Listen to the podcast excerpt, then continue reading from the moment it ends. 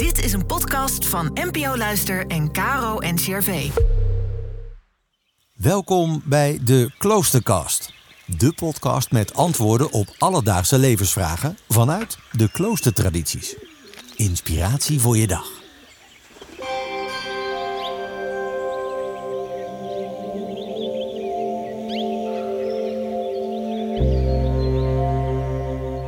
Wat heb je als kloosterling, als mens, nodig om de wereld in vuur en vlam te kunnen zetten? De 34-jarige Nadia Kroon heeft daar wel een idee over. Ze is Dominicanes in een nieuw klooster in Nijmegen.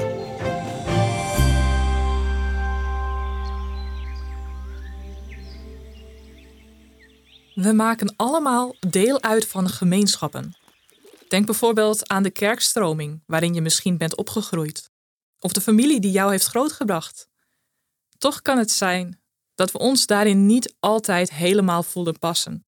We voelen ons tekortschieten in het ideaal dat binnen die gemeenschap geldt. Dan kun je snel concluderen dat er iets mis is met jou. Dat gevoel had ik als tiener ook.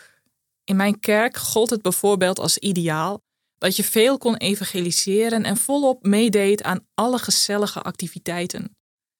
Maar ik was een verlegen meisje en snel overprikkeld.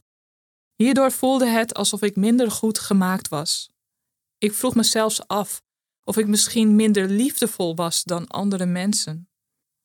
Schoot ik tekort voor God?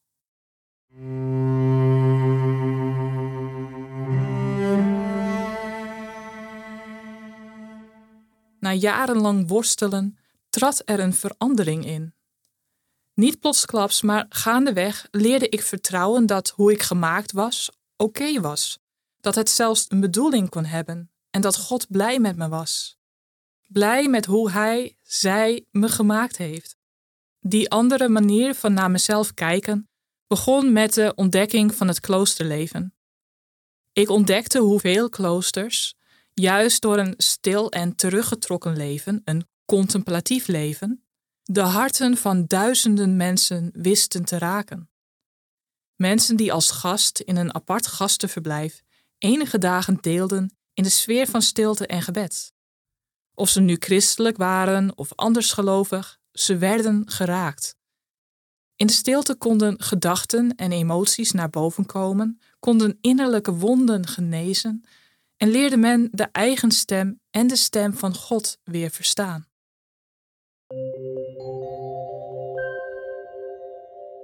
Zo leerde ik dat mijn eigen stille zelf ook een geweldige kracht kon zijn in Gods koninkrijk. Maar wist je dat er duizenden verschillende kloosterordes en congregaties zijn? Elk met een eigen spiritualiteit, specialisatie en cultuur. Dat komt omdat er onnoemelijk veel verschillende mensen door God geschapen worden. Die diversiteit van kloosterordes leert ons: diversiteit mag er zijn. Diversiteit moet er zelfs zijn. Jij bent als uniek mens nodig in het koninkrijk van God. Jij bent belangrijk, zoals je bent. Hopelijk opent dit besef jou gaandeweg voor de vragen die er echt toe doen. Niet de vraag waarom anderen zoveel beter zijn dan jij in het een of ander, maar de vraag waar jouw roeping ligt. Waarom ben jij gemaakt zoals je bent? Hoe kan jij je kracht inzetten? Met welke mensen of doelen kun jij je verbinden om met jouw gaven de wereld tot een betere plek te maken? Een thuis voor iedereen.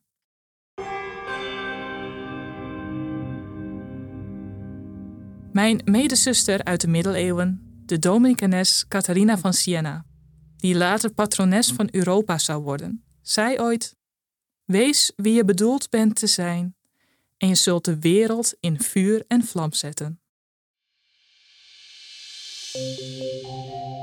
Morgen vertelt Benedictijn Thomas Kwartier wat voor hem de betekenis van vasten is.